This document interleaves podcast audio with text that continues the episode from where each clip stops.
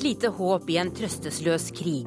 Våpenhvile i Homs, og i dag får 3000 desperate mennesker mat og medisiner. Verdens beundring var rettet mot Sotsji i går kveld. Men Putin får mer kritikk enn beundring fra omverdenen, også under OL. Kriminaliteten herjer i Mellom-Amerika. Vi hører om selvforsvar i Mexico og om ungdom som verves til gjengene i El Salvador. Vi har ingen steder å gå for å få en pause fra volden, sier 16 år gamle José Ramires. Og følger du med oss hele veien, kan du til slutt kjenne lukten av pattegrisene på verdens eldste restaurant. Ikke at vi har noe uoppgjort med disse grisene, men det er dette folk vil ha, sier Gonzales Gomez. Velkommen til Verden på lørdag, utenriksredaksjonens lørdagsmagasin. Jeg heter Tove Bjørgaas. Og først skal vi til Syria, der dag to av en tre dager lang våpenhvile er i gang i byen Homs. 3000 mennesker har sittet fast i denne byen i nesten to år. De har sluppet opp for mat og medisiner, og forteller at de har overlevd på gress og olje den siste tida. For en time siden snakket jeg med vår korrespondent Sigurd Falkenberg Mikkelsen, som er på vei til Homs. Han forteller at våpenhvilen så langt er overholdt. Nei, Vi hører at uh, våpenhvilen så langt uh, har uh, holdt. Det har ikke vært noen store uh, stridshandlinger i området, så vidt vi vet. også I dag så blir det en svært viktig dag for de sivile også, fordi da skal Eh, nødhjelpsorganisasjonene forsøke å få mat inn eh, til sivilbefolkningen, de som ikke kom seg ut eh, i går. De klarte altså å evakuere rundt litt under 100 mennesker i går. Hvor mange har de tenkt å prøve å få ut? Det er, så vidt vi vet, rundt 2500 mennesker som sitter fast i Homs. De er noen som ikke vil flytte på seg. Eh, det er også noen som ikke får lov, fordi myndighetene har vært veldig tydelige på at de bare tar ut eh, kvinner, barn og eldre. Eh, og de har et veldig vidt begrep om hva som er menn i stridsdyktig alder. Menn mellom 15 og 55 får ikke lov til å dra ut. Slik at det er en redusert gruppe som har muligheten. Eh, og så er det da mange usikkerhetsmomenter i selve forflytningen. Det er mange som er svært redde for hva som vil skje når de, flytter, når, når de kommer seg ut, hvordan myndighetene vil behandle dem, og også hva som kan skje med familiene de, og familiemedlemmer som de etterlater seg i sentrum. Så det er stor usikkerhet knyttet til hvor mange de egentlig klarer å få ut. Hvor blir de fraktet hen? Ja, det er også eh, ikke klart. Eh, de har blitt tatt vare på av eh, en røde halvmåne her. Eh, de har blitt fraktet i busser, men det har ikke kommet fram noe hvor de har eh, blitt fraktet hen ennå. Men man må anta at de blir ender opp i kanskje flyktningleirer, eventuelt som familiemedlemmer andre steder i Syria. Du er altså på vei til Homs nå om, om, kort tid. Nå er det en stund siden sist du var i Syria. Hva slags inntrykk får du når du kommer, kommer dit nå? Eh, jeg var i Homs uh, i fjor. Det er en by som er delt, hvor det er et tilsynelatende normalt fungerende liv på den ene siden av frontlinjen, altså de myndighetskontrollerte områdene, og en ekstremt brutal krigføring noen kvartaler nedenfor. Slik har det pågått i snart drøye to år nå. og med noe som er en krig som har gått veldig hardt utover sivilbefolkningen. Store ødeleggelser jeg var også i Bab Amro f.eks., en av bydelene eh, hvor det ble kjempet som hardest. Eh, som er en eh, spøkelsesby nå, med utbombede hus overalt. Her i Damaskus er situasjonen noe annerledes. Der har myndighetene fortsatt forholdsvis god kontroll. Og Mitt inntrykk er at de har befestet situasjonen her i Damaskus. Damaskus føles tryggere nå enn ved tidligere besøk her.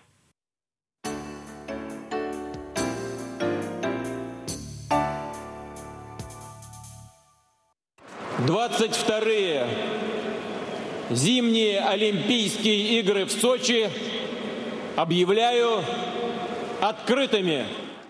Det var et stolt øyeblikk for Vladimir Putin da den russiske presidenten i går kveld åpnet OL i Sotsji.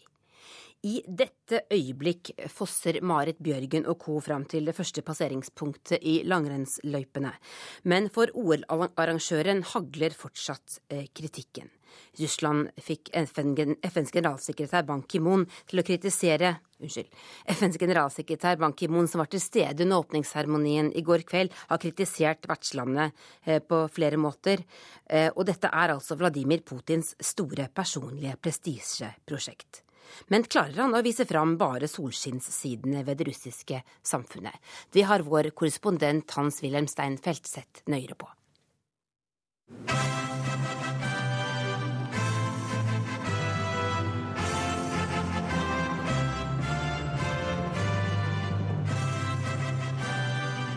Kom igjen, Russland, og seieren er med oss er populære slagord gjennom de siste månedene. Og da vinterlekene åpnet i Fysthallen på Adla OL-arena på kysten sør for subtropiske Sotsji i går kveld, runget ordene midt i det flotte åpningsshowet.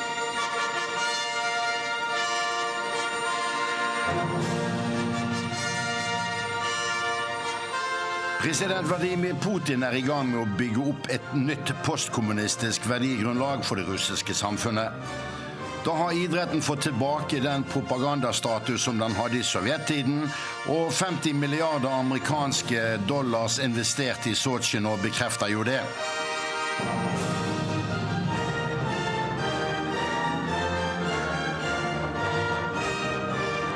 Kritikken mot diskriminering i Russland av homoseksuelles rettigheter har pågått lenge i vest nå. Men russere flest synes dette er like urettferdig som den vestlige boikotten av sommer-OL i Moskva i 1980 pga. den sovjetiske krigen i Afghanistan, en krig som Nato selv gjentok noen år senere.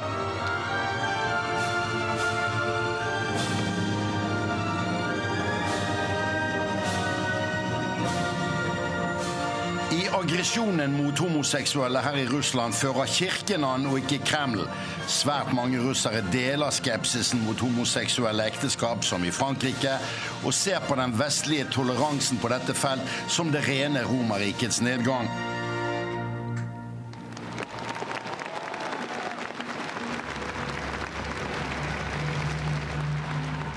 Kritikken mot homoseksuelles rettigheter blir bare småtteri målt mot russernes egen frykt for terror under vinterlekene i Sotsji. Og president Vladimir Putin forsvarer antihomoloven her i Russland overalt hvor han kommer til. А именно законов, э, которые приняты в регионах Российской Федерации, запрещающие пропаганду гомосексуализма. Э, речь идет прежде всего о пропаганде, о запрете пропаганды гомосексуализма в школах.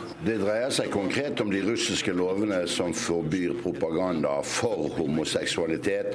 Herunder også forbud mot slik propaganda i skolene, gjentar Vladimir Putin stadig. Effekten i samfunnet er at f.eks. homoparader forbys, og Russlands ledende aktivist for de homoseksuelles sak, Nikolai Aleksejjev, sa dette om den demokratiske svikten som følger av forbudet, i en debatt nylig på den russiske store TV-kanalen Rasia. Большинство не имеет права выслушать э, меньшинство, и меньшинство не может донести свою позицию до большинства. Flertallet får ikke rett til å lytte til mindretallet, og mindretallet får ikke gjøre seg lydhør overfor flertallet, sa Nikolai Aleksejev, som nærmest ord for ord gjentok Ibsens tanker fra en folkefiende. I sovjettiden forbød straffeloven mannlig homoseksualitet, og kirken var en av de mest forfulgte grupper i den sovjetiske ateiststaten. Men nå leder kirken ikke Kremland mot de homoseksuelle, og har et solid flertall av russerne i ryggen. Dette minner om de mest reaksjonære trekkene i det amerikanske samfunnet mer enn om den sovjetiske fortid, sier Russlands mest kjente nyhetsformidler på TV, Sergej Brilov, til NRK. Absolutt. absolutely. I was going to use another word, which I'm not going to use. yes, Russian politics are going sort of towards America. We haven't got a Bible belt yet. But yes, if you compare the Russian political process, you will find a lot of similarities with America, which may be a problem for the European analysts, which when they think of Russia in European terms, think of Russia more in American political terms, and you will get a clearer picture of what's going on. Sergej Hans-Wilhelm Steinfeld, Sotsji.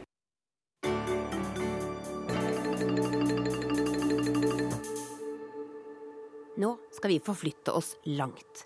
Helt til Mellom-Amerika. I El Salvador er nærmere 100 000 ungdommer tilknyttet kriminelle gjenger. Landet har flere drap per innbygger enn de aller fleste andre land. Nå er det presidentvalg, der kampen mot vold er et sentralt tema. Men regjeringen blir beskyldt av høyresiden for å ha samarbeidet med kriminelle gjenger også under valget.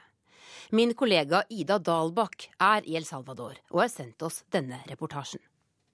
Nos sentimos desesperados porque, porque no podemos salir a medios porque ya están violentándonos. Vi er desperate fordi vi ikke kan gå ut uten å bli utsatt for vold. Vi har ingen steder å gå for å få en pause fra volden, sier 16 år gamle José Ramires. Han sitter på en benk sammen med to kamerater på 15 og 17 år. En gang i uka kommer de til den gule murkirken i San Pedro de Flores, som drives av den katolske organisasjonen Caritas. Guttene flakker med blikket og beveger nervøst på føttene. De har akkurat fått vite at en kamerat har blitt banket opp av politiet rett nede i gata. Til tross for at de bor i et fattig område utenfor hovedstaden San Salvador, er de kledd som hiphop-stjerner i en amerikansk musikkvideo.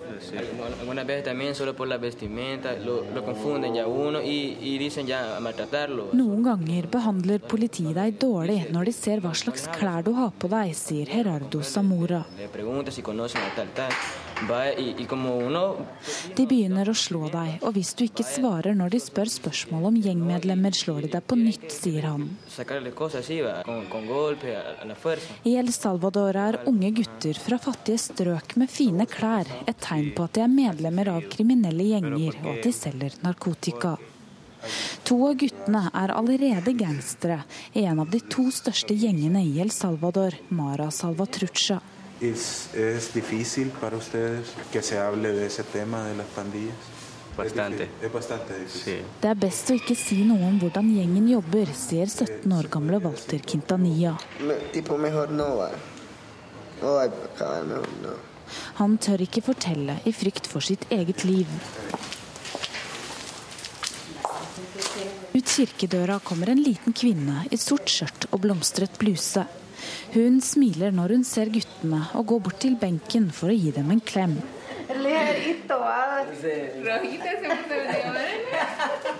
Den katolske kirken har stor tillit i befolkningen, og mange søker hjelp og støtte her. Hos Blanca de Magana kan de fortelle om problemene sine uten at gjengen får vite. Praktikamente al joven que está en pandilla, el jamás Hvis de først er blitt medlemmer av gjenger, kan vi aldri få dem ut igjen, sier Blanca. Eh, Men vi gjør så godt vi kan med å hjelpe dem i den situasjonen de er i, og gi dem noe å prate med.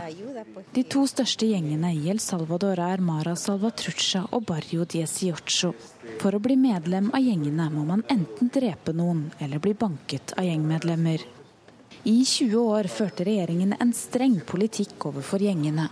Med mano dura, eller hard hånd, var det strenge straffer og nulltoleranse. Mer fengsel og politi i landet. Men i 2012 meglet en prest og en ekspolitiker fram en fredsavtale mellom de to gjengene. 24 timer etterpå gikk El Salvador fra 14 mord om dagen til rundt fem. Qué buenísimo, todo está bien. Que muchas felicidades. Søndag 2. februar er fredsprisvinner Rigoberta Menchú fra Guatemala en av dem som kommer for å besøke valglokalene i San Salvador når landet skal velge ny president. Creo yo una, un, un control muy fuerte del Tribunal Supremo Electoral. Hun synes valgdagen har vært preget av ro og orden. Ah, ahí están. Ah, ay, qué bien. ¿Pero cuántos han venido? Her er også Mari Tørå Hagli, en norsk valgobservatør fra SV. Valgkampen har vært den fredeligste noensinne siden borgerkrigen. Det har ikke vært eh, noen eh, drepte. Da jeg var her for to år siden med et annet eh, valg til parlamentet, så var det en håndfull drepte, og det var det laveste antallet noensinne da. Høyresiden mener valget har gått rolig for seg fordi venstrepartiet FMLN, som har hatt makten i fem år, har samarbeidet med kriminelle gjenger under valget.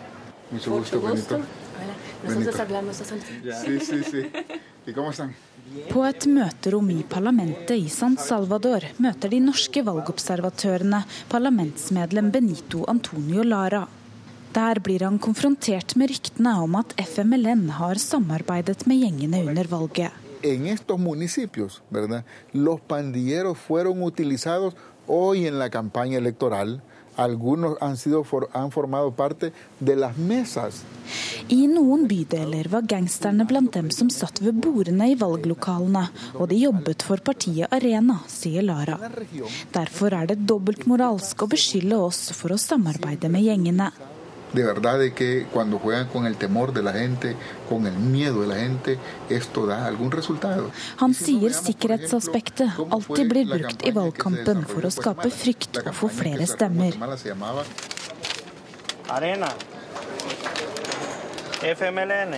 Ingen av partiene får mer enn 50% av stemmene, og 9.3 blir det valg på nytt.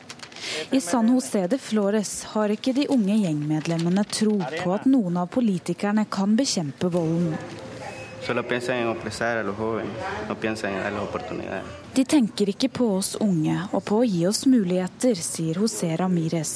De to kameratene hans er bare 15 og 17 år. Men de kommer trolig til å leve resten av livet som gangstere.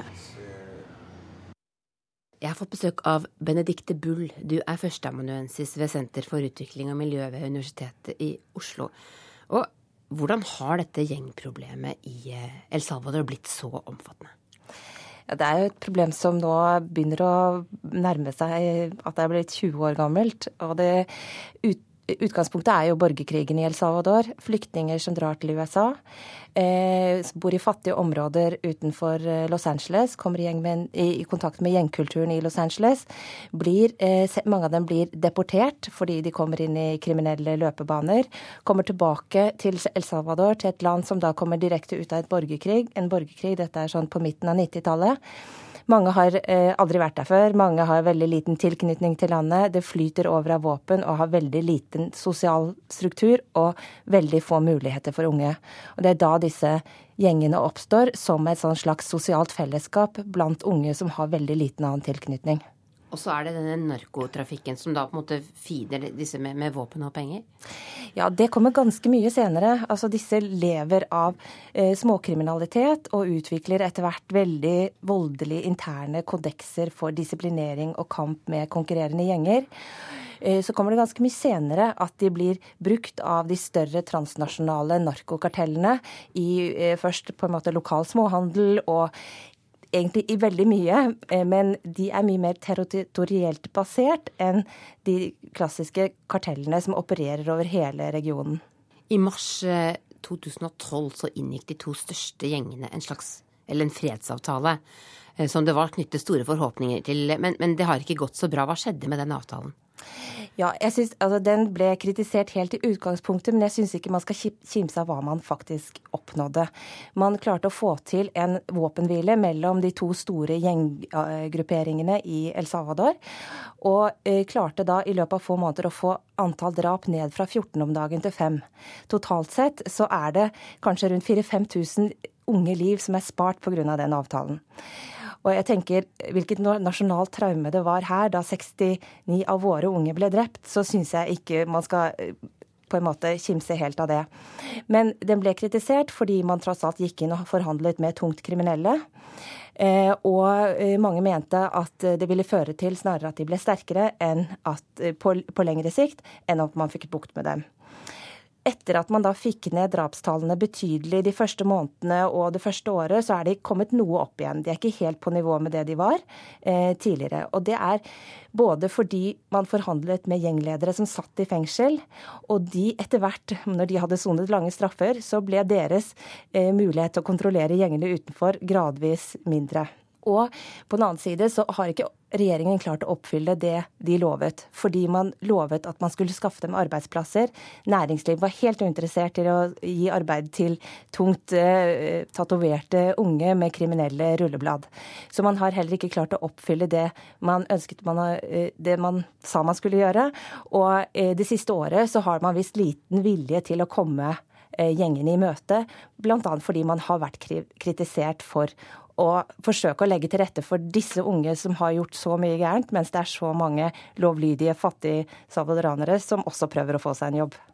Men målet her må også være å, å, å bedre den sosiale utviklingen og hindre at dette er et av landene i verden med aller flest drap. Hva kan det nye styret i Salvador gjøre med, med disse problemene? Ja, Det er selvfølgelig et veldig veldig langt eh, lerret å bleke. Men eh, de to kandidatene som nå kommer til å, kjempe om eh, presidentembetet i andre valgomgang, har jo helt forskjellige løsninger på det. Den ene vil, sier han skal knuse gjengene. Det prøvde man i veldig mange år med en sånn hard hånd-politikk fram til 2009, og det hadde ingen resultater. Og jeg tror jo at ikke det er noe vei utenom en, lang prosess med, eh, med, styrking av utdanning i fattige områder, eh, gi eh, folk større muligheter til altså, særlig jobbskaping i El Salvador, og ikke at alle må dra til USA og sende penger hjem, for det er ikke kriminalitetsforebyggende på samme måten som å skape arbeidsplasser i El Salvador, og at man må også gå inn og, og snakke med disse ungdommene. fordi Eh, selv om de er kriminelle, så er de også ungdommer som har møtt et samfunn som ikke har gitt dem noen muligheter. Vi skal fortsette å snakke om et tilstøtende tema, for i Mexico så er det også store problemer med kriminalitet knyttet til, eh, til krigen mot narkotika. Og der har man fått eh, nå framvekten av såkalte borgervernsgrupper i noen delstater. Denne uka så var den kjente meksikansk-amerikanske journalisten Alfredo Corchado i Oslo. Og han har skrevet en bok om dette temaet. Vi skal høre litt om hva han har å si om, om hvordan det problemet utvikler seg. It's just been going on for about a year now. The way self-defense groups frustrated by the lack of government authority, uh, by extortions, by women being raped, um, kidnapped, etc. They decided to take arms for themselves. And for the, so for the last 11 months now, there's, there's been all this activity. It finally erupted uh, in early January. I løpet av det siste året har sivilbefolkningen tatt til våpen for å forsvare seg mot vold, kidnappinger og voldtekt, forteller Corchado. Administrasjonen til president Peña Nieto har forsøkt å samarbeide med borgervernsgruppene i Michoacán for å få kontroll over dem, forklarer journalisten. Uh, the Mexican government under the new administration, Enrique Peña Nieto, uh, has tried in, in recent weeks to try to organize these groups, to try to bring them into the fold, to try to co-opt them in a way. Um, and I think it, it, to some extent it's, it's been working.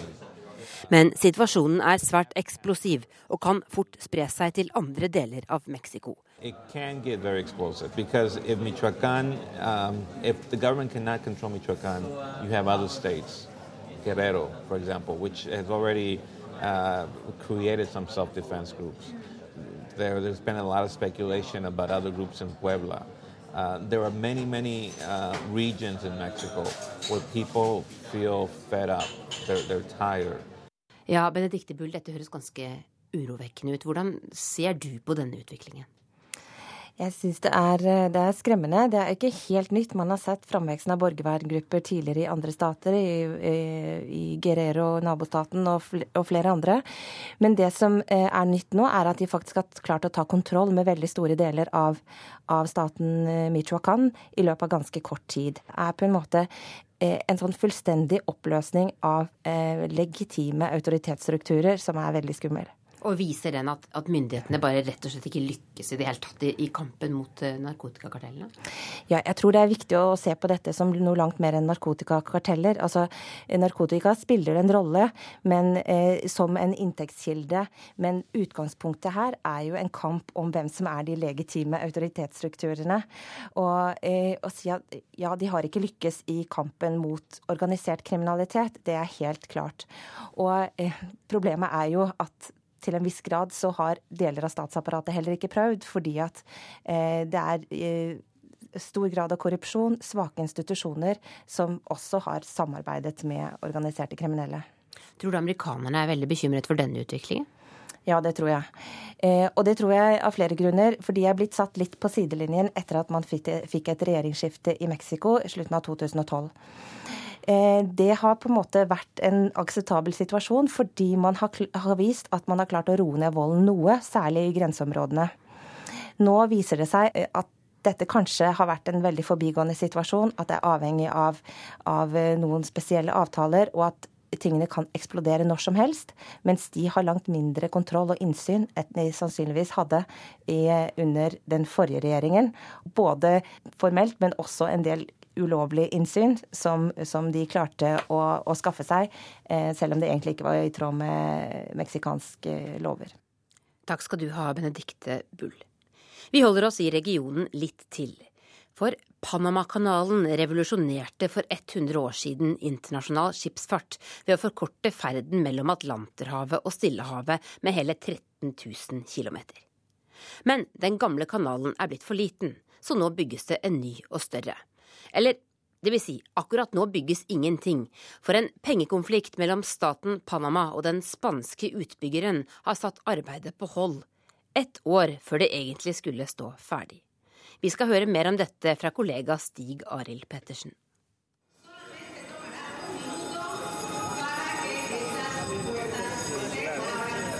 Det er et merkelig syn. Mellom grønne enger og skogkledte åser trer plutselig baugen på en enorm kjemikalietanker langsomt inn i landskapet. Skipet er på vei inn i Miraflores-slusene, det første stoppestedet for et skip som gjør ferden fra Stillehavet til Atlanterhavet gjennom Panamakanalen. Snart får den besøk av et cruiseskip, og passasjerene på dekk vinker ellevilt til turistene som skuer utover de imponerende slusene fra balkongen på besøkssenteret. Sluseporten bak lukkes, og den foran baugen åpnes, og sakte, men sikkert løfter det mange tusen tonn tunge skipet seg i landskapet. I 100 år har Panamakanalen vært et viktig knutepunkt for internasjonal handel. Hvert år gjør over 13 000 skip den 80 km lange reisen gjennom Panama, som sparer dem for den over 12 000 km lange reisen rundt Kapp Horn, sørspissen av det amerikanske kontinent.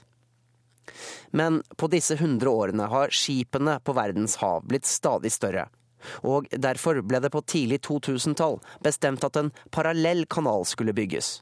Dypere, bredere og med høyteknologiske sluser. The new locks will be 30% larger than the current locks and could fit three Empire State Buildings lengthwise in its chambers. Kontrakten gikk til et konsortium av selskaper kalt GUPC, ledet av det spanske Sakir, som hevdet at de kunne gjøre jobben 6 milliarder kroner billigere enn en amerikansk konkurrent. Kontrakten på 19 milliarder kroner var en viktig livline til et selskap som like før ble rammet hardt av at den spanske boligboblen sprakk. Ambisjonene var store. Just as the construction of the Panama Canal changed the course of history almost a century ago, today's expansion represents a game change for traders and consumers alike. The path is set, the walls grow tall. This is history in the making, and this small but influential nation at the center of the world meets this challenge with accountability, courage, and vision. Men helt slik skulle det altså ikke gå. Nå, to tredeler inn i jobben og med fristen neste år stadig nærmere, står alt helt stille i det mellomamerikanske landet. Sakyr ba fredag sine ansatte om å legge ned arbeidet. Det spanske selskapet krever at Panama må hoste opp ytterligere 10 milliarder kroner for at kanalen kan bli ferdigstilt, og skylder på dårlig planleggings- og gravearbeid fra statens side. Sjefen for kanalmyndighetene kunne ikke vært mer uenig.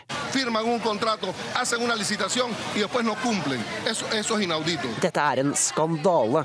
Du leverer et anbud, vinner kontrakten, og da skal du også gjøre jobben, freste Jorge Quijano, og sa at hva som enn skjer, skal denne kanalen bli bygget. Myndighetene skylder på overfakturering fra selskapet, som sliter med å refinansiere sine lån på hjemmebane. Vi vil ikke la oss bli utpresset på denne måten. Vi sitter med fakta og vil alltid, og mot alle, forsvare det panamanske folks interesser, gjør Quijano klart. Om det som nå også har blitt en diplomatisk disputt med den gamle kolonimakten Spania.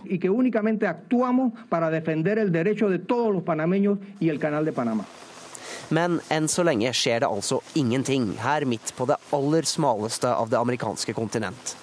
Så gjenstår det å se, da, om det spanske selskapet Sakyr rett og slett må ta Panama-hatten sin og gå.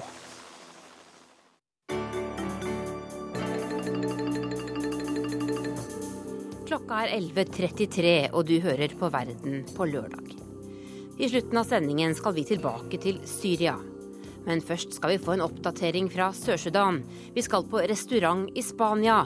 Og vi skal høre om grove israelske anklager mot USA.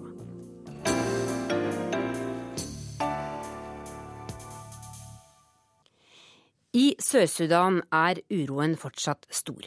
Stadig flere regjeringssoldater går over til opprørerne. Landet har nå våpenhvile, men store grupper av væpnede ungdommer gjør likevel som de vil. Og forsoningen som de ble enige om under fredsforhandlingene, har få sett noe til. Eh, Jan Ledang, du er nettopp kommet hjem fra jobben som landdirektør for Norsk Folkehjelp i eh, Juba. Eh, du kom hjem for få dager siden, etter sju år i landet. Og hvor mye er våpenhvilen verdt i et land hvor hæren har gått i oppløsning og, og alle har våpen? Nei, det kan du si.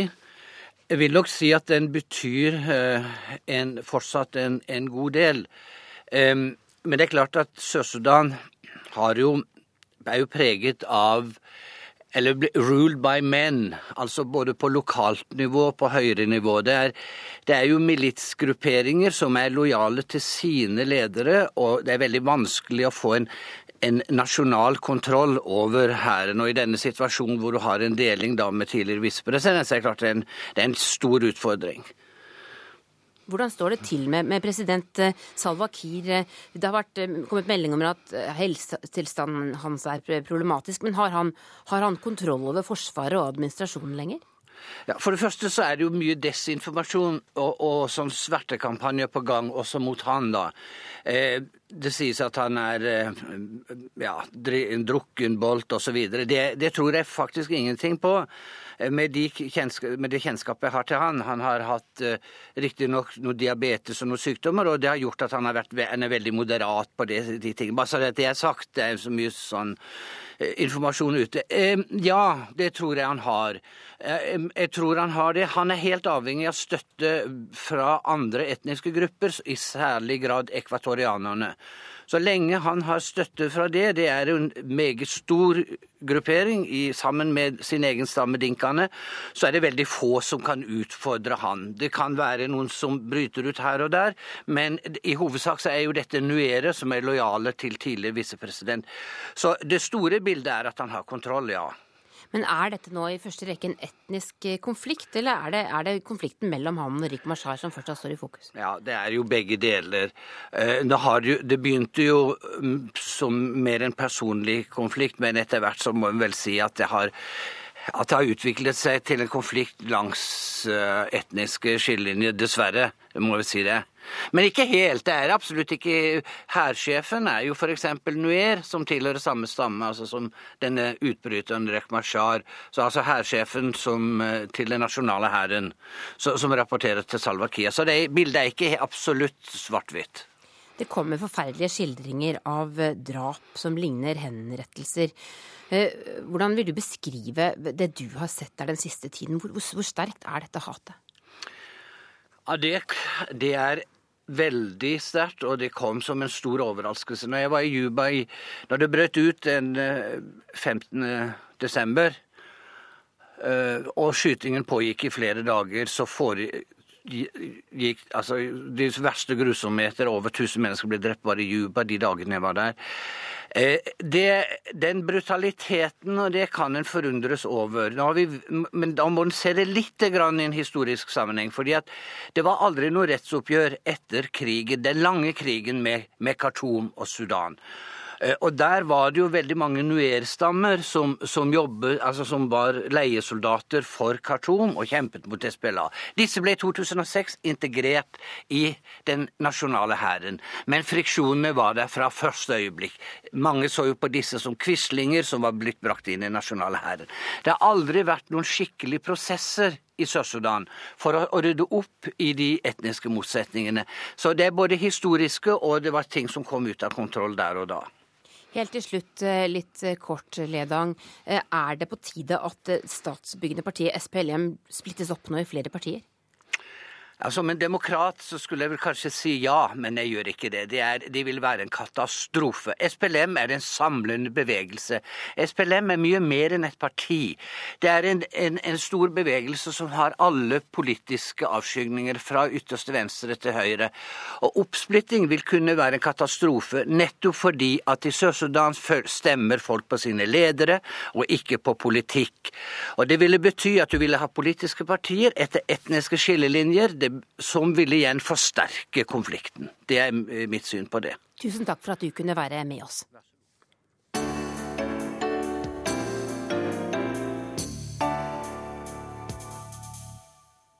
Da skal vi på restaurant. Og ikke en hvilken som helst restaurant. Verdens eldste restaurant, som har traktert både kjente og ukjente i snart 300 år.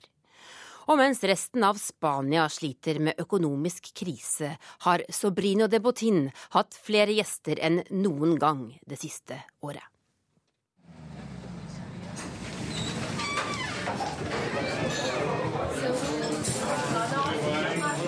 Rett ved Plaza Mayor, inn en dør, og du tas et par hundre år tilbake.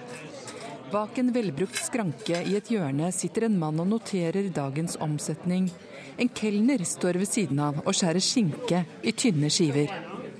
Folk sitter tett i tett rundt små trebord. Restauranten er over fire etasjer, og aldri har de hatt flere gjester enn nå. De siste fire årene har vært våre beste, forteller eieren Antonio Gonzales Gomez. Han er tredje generasjon som driver restauranten, etter at besteforeldrene kjøpte den av familien som har gitt den navnet. Restauranten ble åpnet av franskmannen Chabotin i 1725, forteller Gomez. Mm, Han giftet seg med en fra Asturias, og de holdt den i familien i 200 år. Det er ikke gjort mange forandringer siden oppstarten. Bortsett fra små endringer for å bedre smaken, eh, er selv den mest populære matretten den samme. Stekt pattegris. De har den her inne, sier Gomez.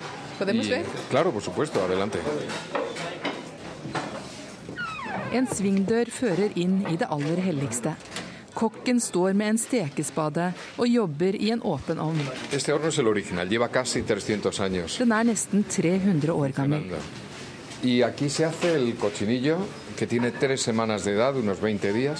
Pattegrisene blir slaktet når de er tre uker gamle, forteller Gomez.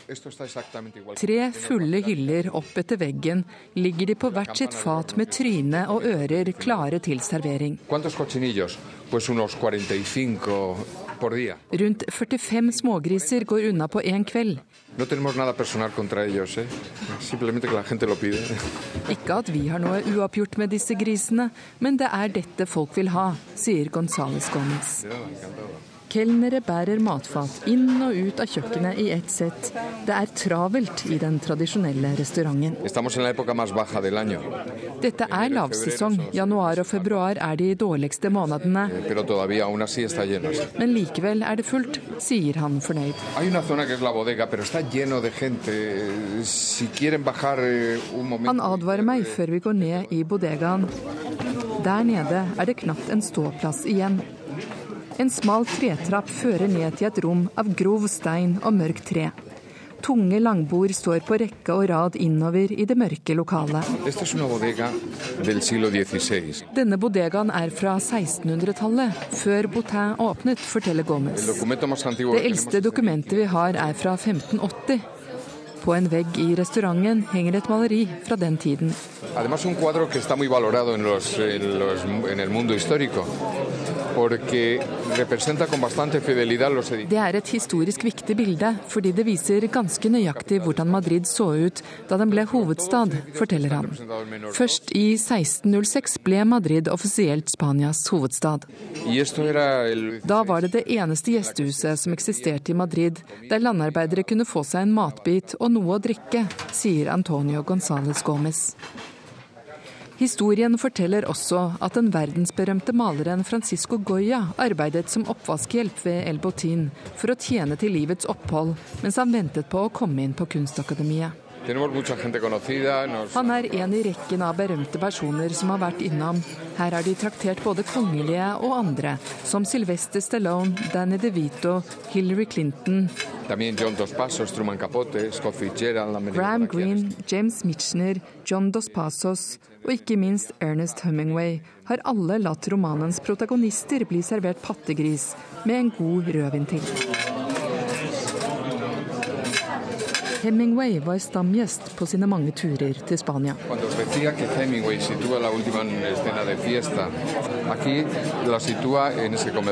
Han pleide å sitte der, alltid med ryggen mot veggen, fordi han ville følge med hvem som kom inn døra. Han var litt paranoid, sier Gomez, og peker på et bord i øverste etasje av restauranten. I boka 'Og solen går sin gang' er det siste hovedpersonen gjør, å innta et måltid her. Stadig nye viner bæres opp fra bodegaen de fire etasjene, dit Hemingway hadde sitt faste bord for 80-90 år siden. Er restauranten som en god vin, som blir bedre med årene, spør jeg. Det er målet, sier Gomez. Det er vel derfor vi fortsatt eksisterer, sier han. Og det sa vår europakorrespondent Åse Marit Befring. USAs utenriksminister John Kerry jobber hardt for å få israelere og palestinere til å bli enige om å leve sammen i fred. Men uttak er verdens lønn. For den israelske høyresiden bombarderer Kerry med skjellsord. Nå beskyldes han til og med for å være antisemitt. If not, my name is not John Kerry. John Kerry. John Kerry? Yes. Jeg er John Kerry. Jeg kommer med løsninger, sier mannen som parodierer USAs utenriksminister, som nå beveger seg i et meget sensitivt farvann mellom politikk, religion og hat. We must realize that it's holy to all religions. Jews, Christians, Muslims, Buddhists, Klingons and hobbits. Det er bosetternes mektige organisasjon Jesha som står bak videoen, som er en del av spillet, en del av posisjoneringen, nå som frontene hardner til og oppgjørets time nærmer seg. For statsminister Netanyahu må bestemme seg snart. Vil han avslutte okkupasjonen og tvangsflytte titusener av ideologiske bosettere? Eller vil han nekte å gi opp land til palestinerne og bli utsatt for boikotter og la Israel ende opp som en pariastat? But what I'm why fight over an old wall? I'll build you a brand new wall. Close to the beach. Jesha harselerer med at Carrie ikke forstår betydningen av den hellige klagemuren. אבל אנחנו חושבים שמה שעושה קרי ואובמה במזרח התיכון זה הכל כישלונות. אנחנו לא רוצים להיות הכישלון הבא. Alt Kerry og Obama har gjort i Midtøsten har feilet, og vi vil ikke utsette oss for deres tabber. Vi vil selvsagt ikke at Kerry skal bidra til at jøder forvises fra Judea og Samaria, sier Yigal Dilmoni fra Jesha.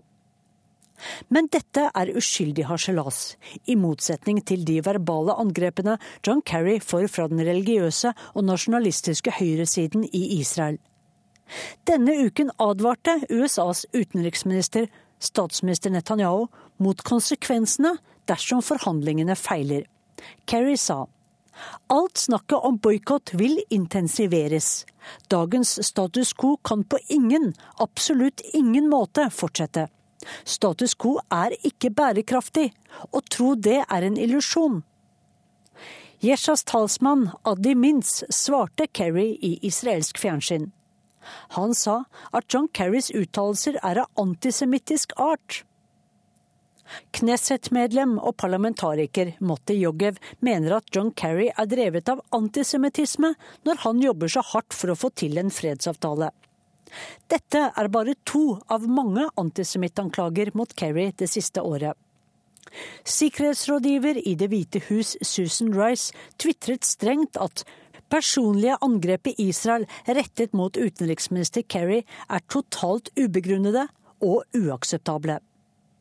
Israels høyreside og hauker nøler sjelden med å trekke holocaust- eller antisemittkortet for å kneble politiske motstandere. Men dette er risikosport, mener psykolog og skribent Carlo Strenger. Den sveitsiskfødte israeleren forsker på jødisk identitet og skriver for flere internasjonale aviser. Om vi beskylder våre venner for å være antisemitter fordi de ikke er enige i visjonen om et Store-Israel, ville det være komisk om det ikke var så farlig. For misbruken av ordet antisemitt uthuler begrepet og skyver våre venner bort. Bloggeren Bradley Burston har laget en test i avisen Haaretz. Er du en skapantisemitt, spør han. For om du er en av dem som er for en tostatsløsning, om du bryr deg om det israelske demokratiet, er du allerede i faresonen. Du kan være en taus bærer av antisemittisme, skriver Bradley. Den amerikanskfødte israeleren innrømmer, etter å ha tatt testen, at han selv er en bærer av antisemittisme. Men også at rundt 61% av jødene i USA også er antisemitter, siden de jo støtter en tostatsløsning og ikke er for et Stor-Israel. Og skriver Burston, en fersk meningsmåling viser at også 63% av israelerne støtter en tostatsløsning. Vi er altså ganske mange antisemitter, konkluderer jødiske Bradley Burston. Og det sa kollega Sissel Wold.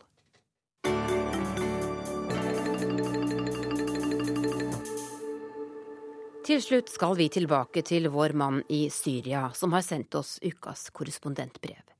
Sigurd Falkenberg Mikkelsen deler inntrykk også fra langt fredeligere deler av verden. Toget går på 39 hver time, og på returen er det 02 eller var det 03?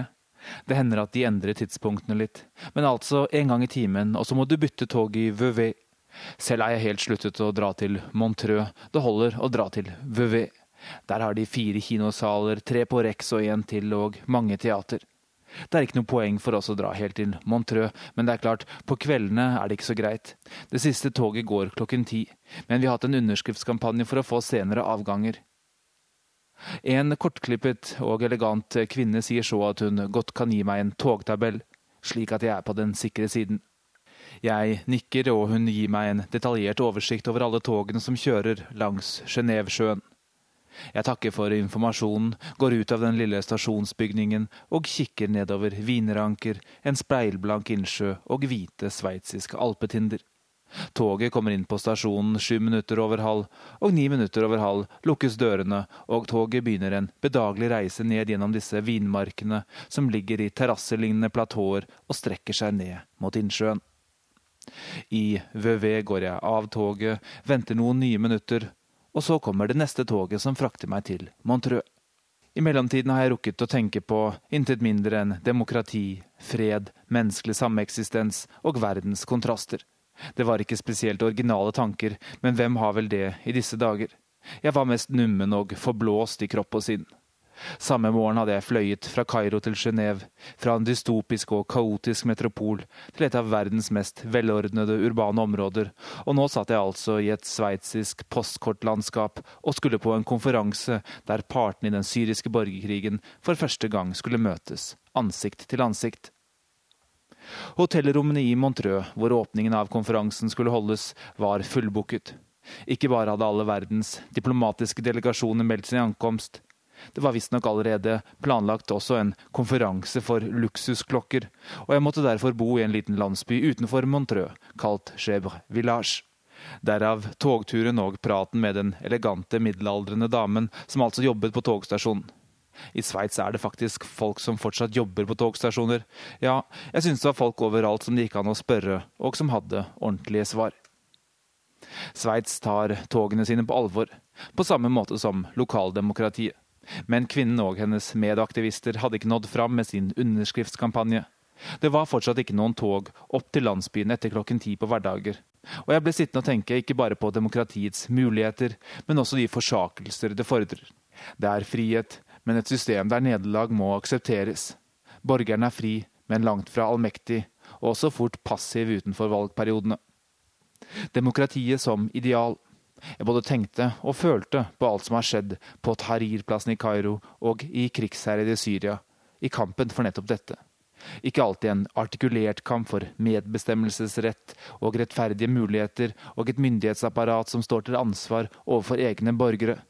Men det er det som er kjernen i alt som har utspilt seg siden den tunisiske grønnsaksselgeren Mohammed Bouazizi satte fyr på seg selv. Og med det startet en kjedereaksjon som ennå på langt nær er over. Og det er, som vi alle vet, i Syria det går verst. For mens partene, dvs. Si myndighetsdelegasjon og opposisjon i eksil, som ikke har all verden av representativ styrke, var samlet i Montreux og Genéve, fortsatte krigføringen og overgrepene mot sivile. Jeg hadde lyst til å skrive 'blodbadet', men jeg tror ikke lenger den type ord har noen virkning. Kanskje de aldri har hatt det, men uansett hva vi skriver eller tar bilder av, verden er fast bestemt på å ikke gjøre det som må til for å stanse krigen. I Aleppo er det verst. Der benyttet myndighetene seg av indre stridigheter mellom opposisjonsgruppene til å rykke fram mens konferansen pågikk. Og kanskje i mangel av ordentlig ammunisjon har de begynt å bruke et hjemmesnekret, men grusomt våpen tønnebomber. Det er tønner stappfull med sprengstoff, metallbiter og gjerne bensin eller diesel, slik at de også starter branner når de eksploderer. De slippes over lav høyde og dreper selvfølgelig helt vilkårlig. Ifølge opposisjonsaktivister ble det drept 1200 mennesker av disse tønnebombene mens forhandlingene pågikk, og Aleppo er i dag en by som er fullstendig ødelagt etter halvannet år med krigføring. Det har ikke alltid vært slik. Jeg besøkte byen for elleve år siden den gang ganske tom for turister pga. en annen krig, den i Irak som akkurat var i gang.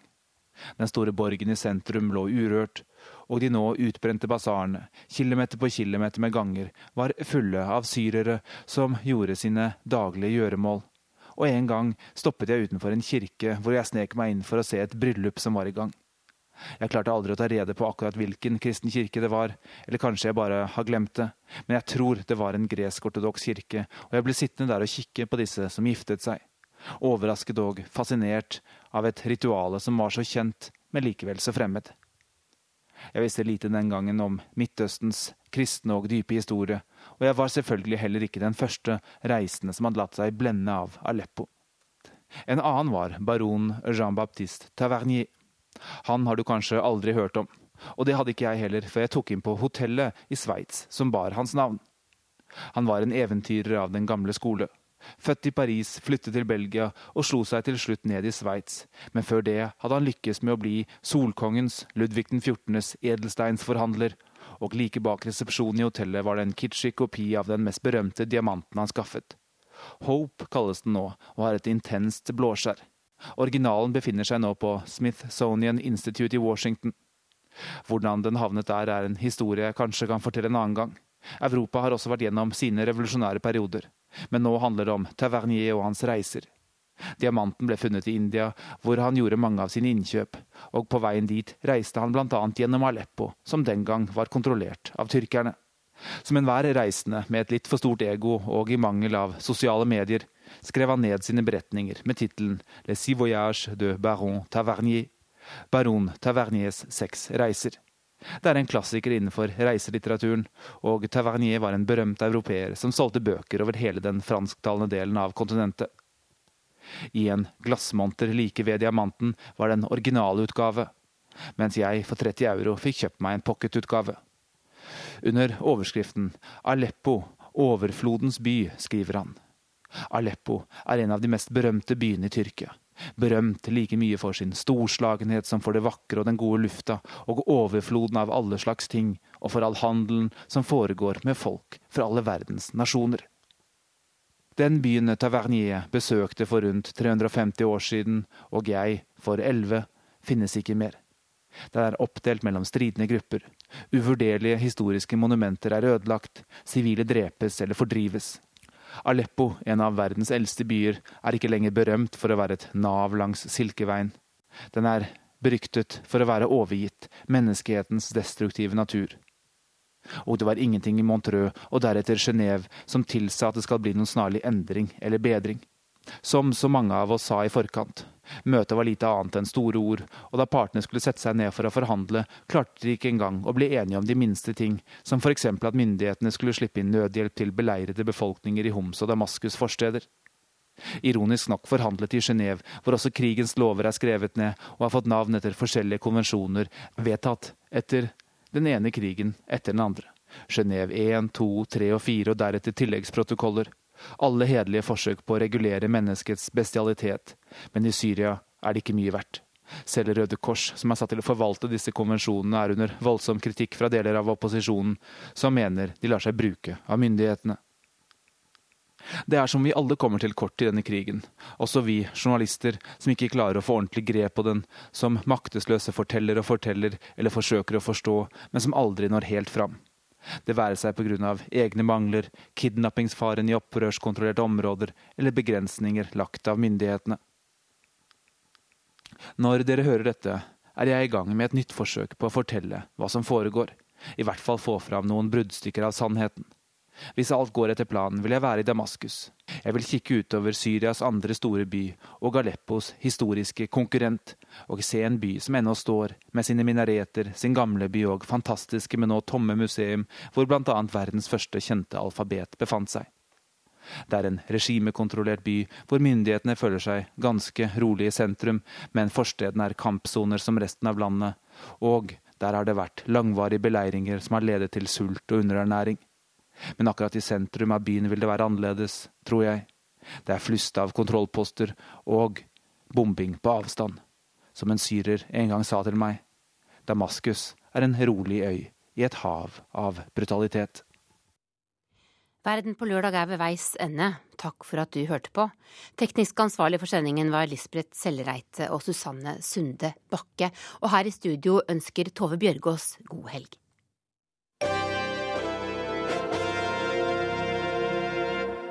Hør flere podkaster på nrk.no podkast.